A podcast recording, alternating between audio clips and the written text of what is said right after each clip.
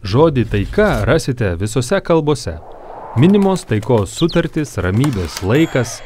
Taika paprastai reiškia laiką, kai nekariaujama. Biblijoje taika irgi gali tą reikšti, bet paprastai taip nusakoma kai kas geriau. Senajame testamente aptinkame hebrajų kalbos žodį šalom, o naujajame testamente graikų kalbos žodį eirene. Šalom reiškia sveikas arba visas. Pavyzdžiui, sveikas neįskilęs akmuo, arba siena be jokių spragų ir kiaurymių. Šalom reiškia sudėtingą, bet užbaigtą vientisą darinį. Jobas sako, kad jo palapinės yra šalom, nes suskaičiavo avis ir ne vienos netrūko. Štai kodėl šalom nusako ir žmogaus gerovę. Aplankęs brolius mūšio lauke Dovydas pasiteiravo apie jų šalom. Mintis tokia Gyvenimas sudėtingas, jame daug kas kinta, santykiai ir aplinkybės.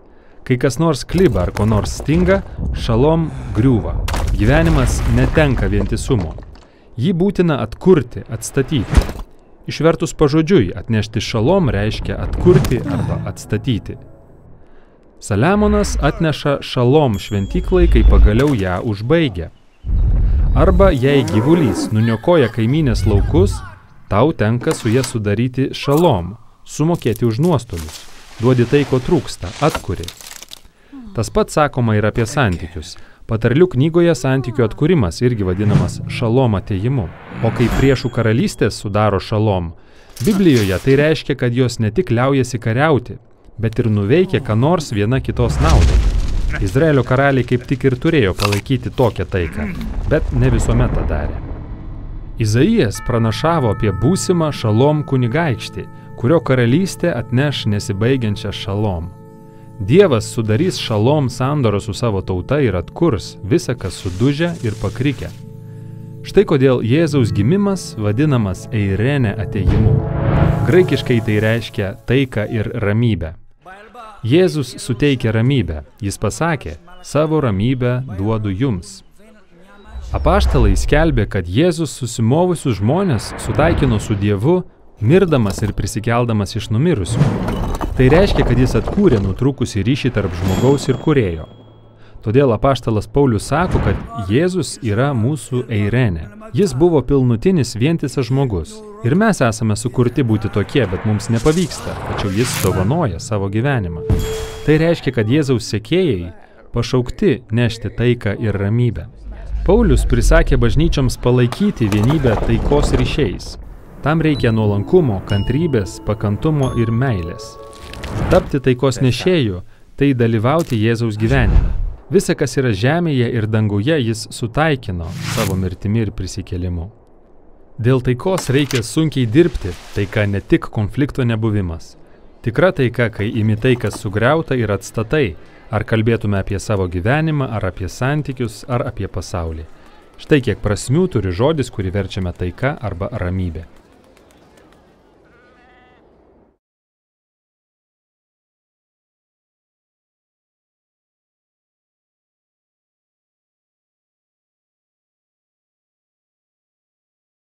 Sveiki visi.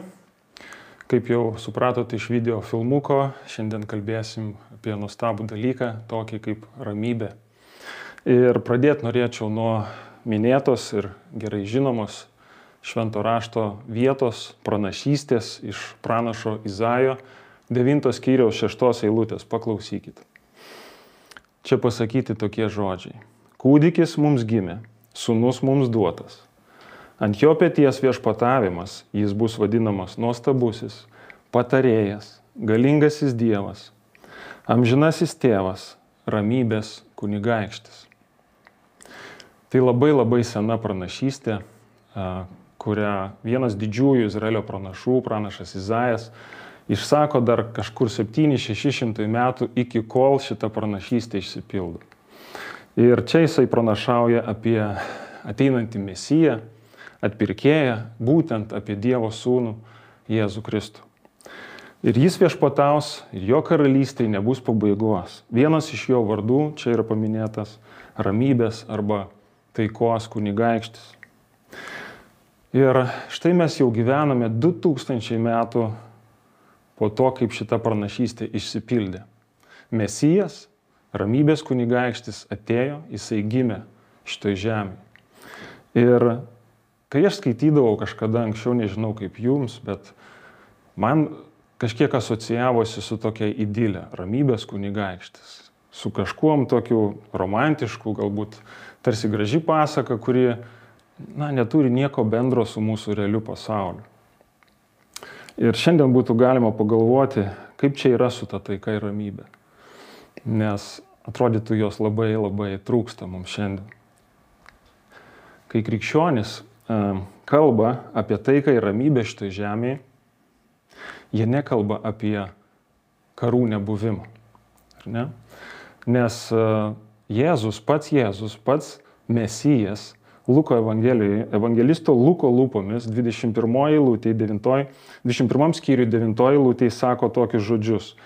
Jėzus sako, paklausykit, kai išgirsite apie karus ir maištus, revoliucijas, nenusigaskite, nes visa tai turi įvykti.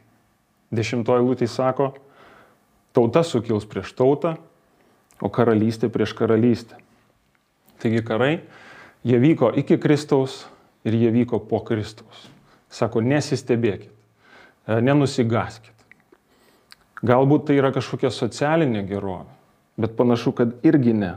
Lukas, tas pats evangelistas, 12 skyriui 53 eilutėje sako, kad visuomenės mažiausiai, artimiausioje aplinkoje, tai yra šeimoje, taip pat bus nesutarimai. Sako, tėvas tos prieš sūnų, sūnus prieš tėvą, motina prieš dukterį, duktė prieš motiną, Anyta prieš Marčią ir Marčia prieš Anytą. Nu, žodžiu, visi prieš visus.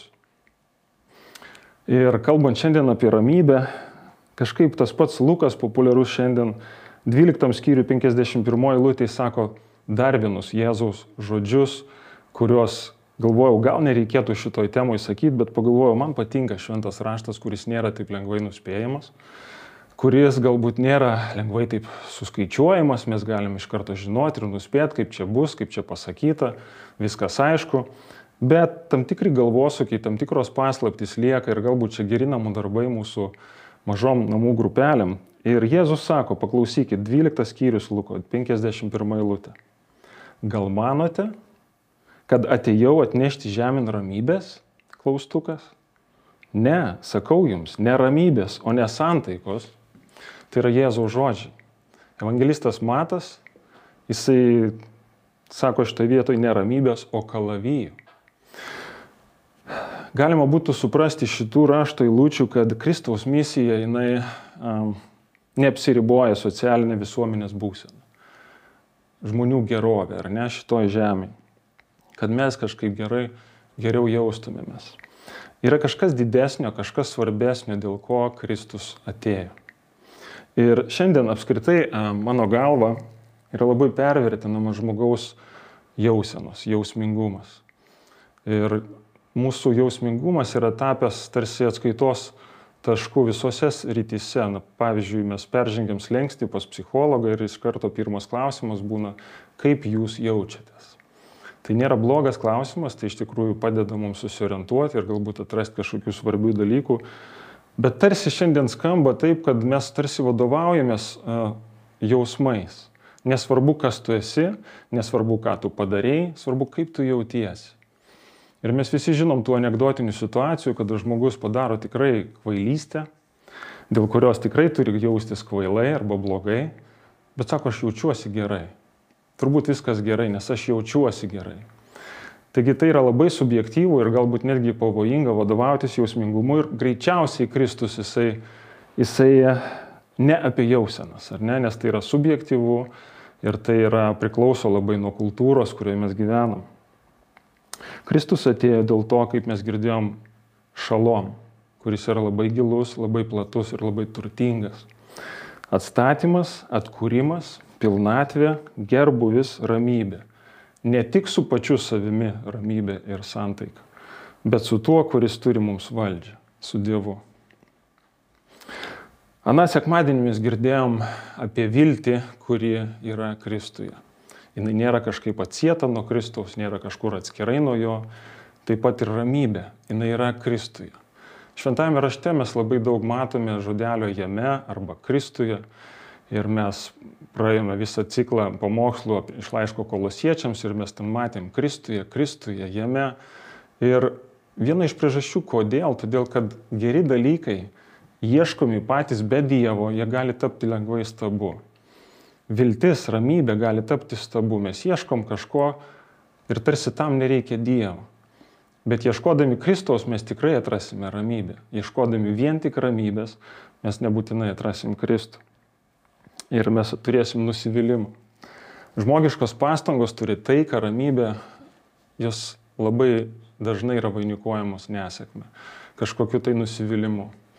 Ir jeigu paimti tokį platesnį kontekstą, mes visi žinom iš istorijos, kad po pirmojo pasaulinio karo tautos, visuomenės, jos labai išvargo, visos ekonomikos buvo pajungtos kariniai pramoniai, milijonai žmonių migravo, keitėsi, šeimos išyro, žodžiu, visuomenės buvo pavargusios. Pirmas pasaulinis karas, antras pasaulinis karas.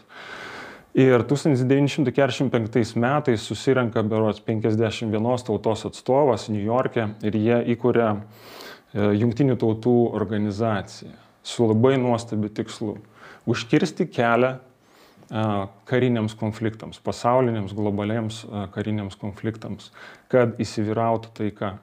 Atrodo toks nuostabus tikslas, puikia organizacija, labai teisingos vertybės.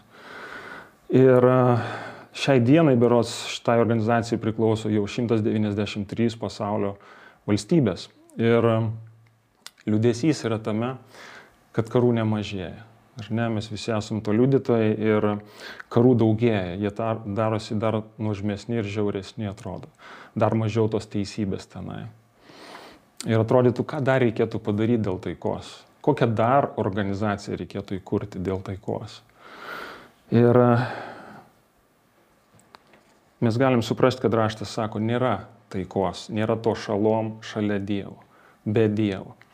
Ir Kalėdos, mano galva, yra gražus laikas dar ir tuom, kad masė žmonių, milijonai žmonių gali išgirsti, jog egzistuoja taika ir ramybė, jog tai nėra butaforija, jog tai nėra pasaka, tai nėra kažkoks ilgesys dalykų, kurių niekada nebus. Ne, iš tiesų Evangelija skelbia, jog yra taika, yra tas atstatymas ir yra ta ramybė. Aš norėčiau, kad mes pereitumėm prie rašto vietos, kuri labiau atskleidžia, kodėl mes kalbame apie ramybę, apie taiką. Ir tai mums gali padėti susiorientuoti laiškas kolosiečiams, kurį mes studijavom nesenai, pirmas skyrius nuo 19 iki 21 eilutės. Čia pasakyta.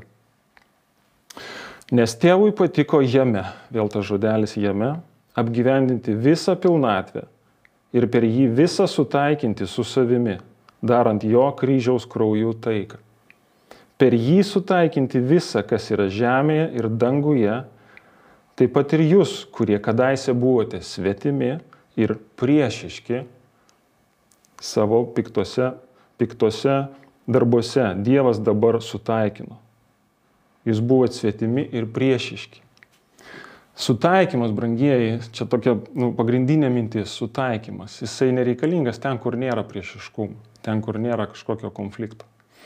Ir po nuopolio mes visi žinom, mūsų tėvai, jie pasirinko gyventi nepriklausomą gyvenimą nuo kurėjo ir mes esam vaikai šito sukilimo, šito priešiškumo Dievui. Ir nepriklausomai nei nuo rasės, nei nuo išsilavinimo, nei nuo auklybos, nei nuo lyties ar amžiaus, mes turime tai savo genuose. Kiekvienas gimęs žmogus, mažas kūdikis, jis jau turi savo genuose priešiškumą Dievui. Kaip tai bebūtų keista. Ir, ir tai yra labai giliai mumyse, tai yra tarsi mūsų kraujo grupė, mes negalim jos perkeisti kažkaip, ar ne? Galėtų pasakyti, nu, aš tarsi nejaučiu prieštaros Dievui. Gal yra tokių žmonių, bet vat, aš kažkaip jam pritariu ir aš visiškai ne, nejaučiu prie, priešiškumo Dievui. Vėlgi tas mūsų jausmingumas, ar ne? Nereikėtų jo vadovautis, nes realybė, kurią atskleidžia šventasis raštas, yra kitokia mes esam kitoj pusėje, mes esam oponuojantis Dievui. Ir raštas sako, ne tik turim prieš priešą Dievui, mes kovojam su Dievu.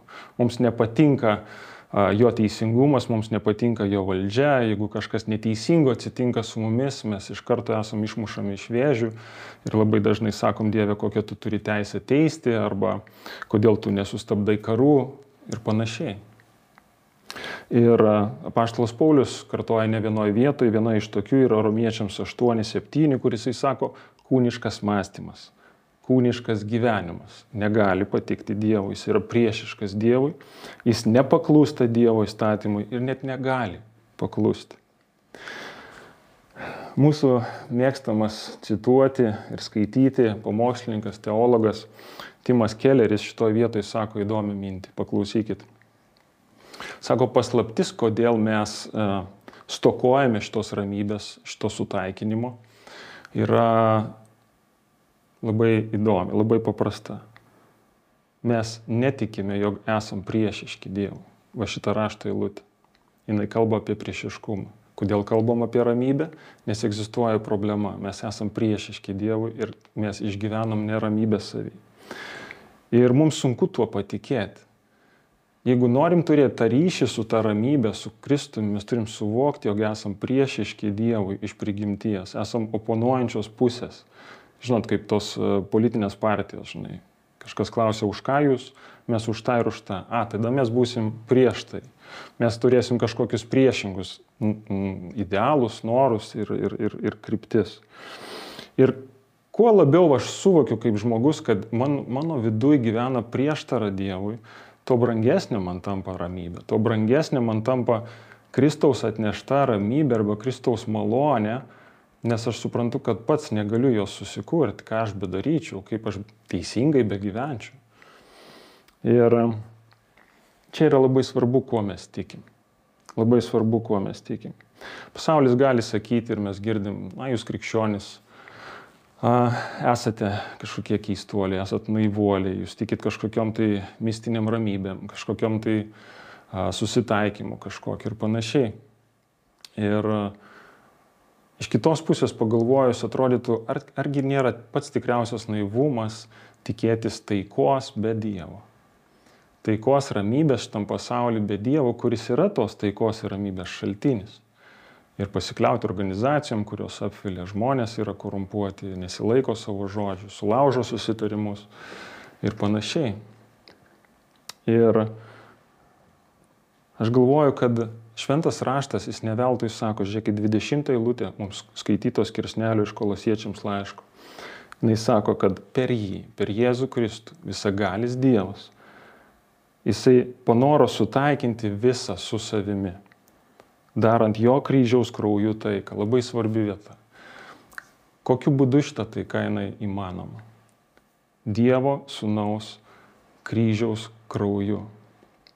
Ir tai reiškia, brangieji, tai reiškia, kad nuodėmės daroma žala yra tokio dydžio, kad reikėjo Dievo sunaus, kabančio ir kenčiančio ant krūvino kryžiaus, kad panaikinti tavo ir mano priešybę. Ir Timas Kelleris sako, kad mums natūraliai tuo patikėti yra labai sunku. Mūsų natūralus protas, kuris priešiškas Dievui, jisai nesupranta to. Mums žymiai lengviau yra priimti mintį, kad, na, mums reikėtų gal trūksta kažkokio išsilavinimo, kažkokio tai ugdymo. Na, jeigu mes dar padirbėtumėm su motivacija, tai mes tikrai pasiektumėm gerų rezultatų. Tai būtų tolygų pasakyti, kam Kristau reikėjo tau mirti ant kryžiaus, kodėl tiek daug reikėjo tos kančios, buvo tos kančios ar ne. Kam tas kraujas pralietas, juk mes galėjom gauti instrukciją iš tavęs, iš dangaus ir būtumėm jo, jos besilaikydami pasiekę kažką tai išsilavinę, ar ne? Bėda ta, kad mes jau turėjom tokią galimybę, žmonijai buvo duota dešimt Dievo įsakymų iš dangaus ir visus juos sulaužėm ir jautėmės gerai. Mums tai nepadėjo.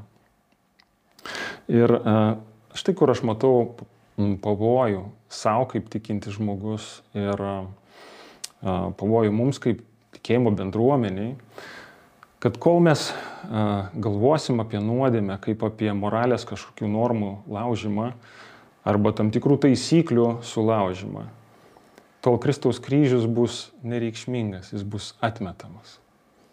Kodėl? Na, nes aš galiu pasistengti Aš galiu išmokti kažkokių gerų dalykų, gerų manierų, kažkokių taisyklių mažiau laužyti. Galų gale, kaip šiandien madinga sakyti, aš galiu tapti geresnę savo versiją.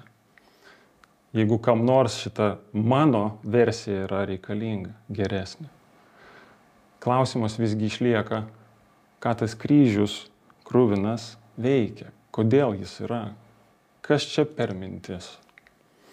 Ir man atrodo, paštalai, jie paguldė savo galvą, savo gyvybės, Kristaus mokiniai, pasiekėjai, triūsdami ir skelbdami būtent šitą mintį, šitą, šitą žinę, kad privalu atsižadėti seno ankstesnio žmogaus gyvenimo būdo. Privalu uh, sekti Kristaus mokymus, laikytis jo, kad mes nenuslystumėm į seną gyvenimo būdą ir supratimą, nesivadovautumėm pasaulio pradmenimis, ar ne, kaip sako. Ir jie skelbė, jūs buvote svetimi ir priešiški savo protuose, savo gyvenimuose, savo genuose, savo prigimtyje, piktais darbais. Bet Dievas dabar sutaikino. Dievas dabar sutaikino. Kokia nuostabi žinia, brangieji. Tai yra nuostabi žinia. Kuo labiau tai skaitai, tuo labiau džiaugsmas kyla tavo širdį.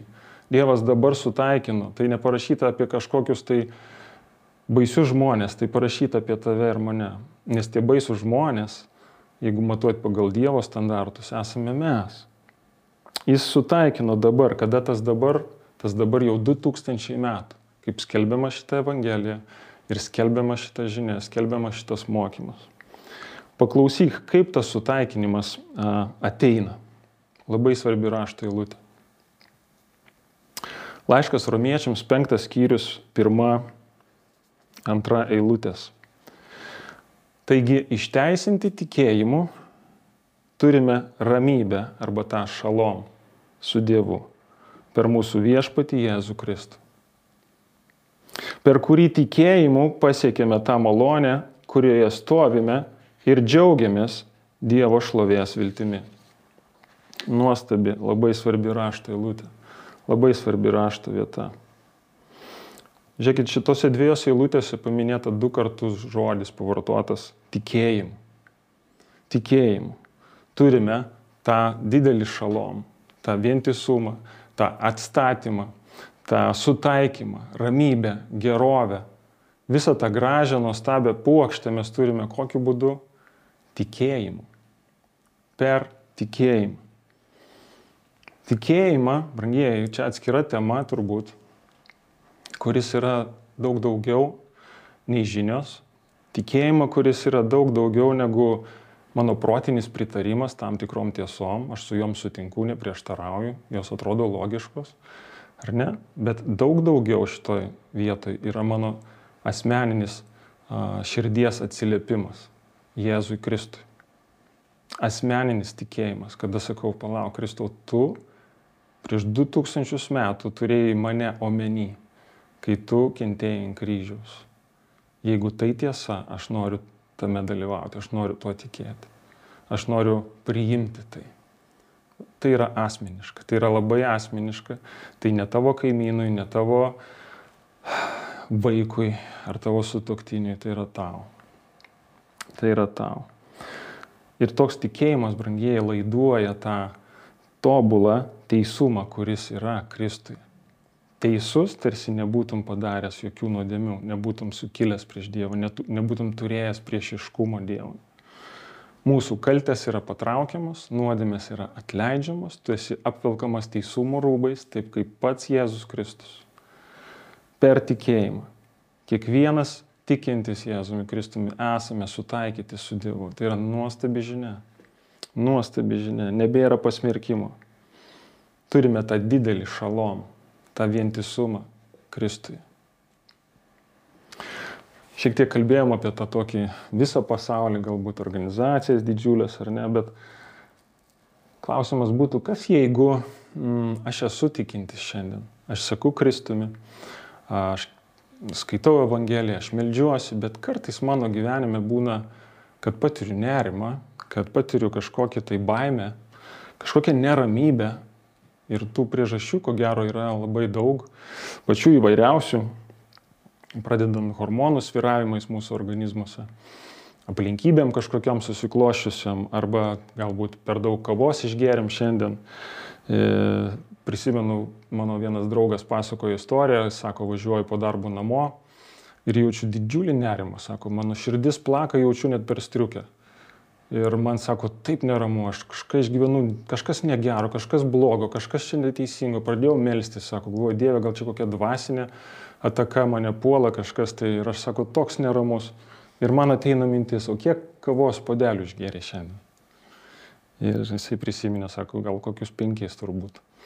Tai e, tos priežastys įvairios, bet jeigu visai rimtai, kartais priežastys būna tikrai rimtesnės negu kavos podeliai. Ir viena iš priežasčių, kurią mano galva mes esam šiek tiek pamiršę, ir, bet ji yra labai biblinė. Kodėl mes galim patirti neramybę, būdami a, tikinti žmonės, ne, būdami tikėjimo bendruomeniai, yra, kad mes nepaklustam Dievui. Mes nepaisom jo valios, būdami tikintis. Mes nusidedam. Ir Dievas nelaimina mano nuodėmį.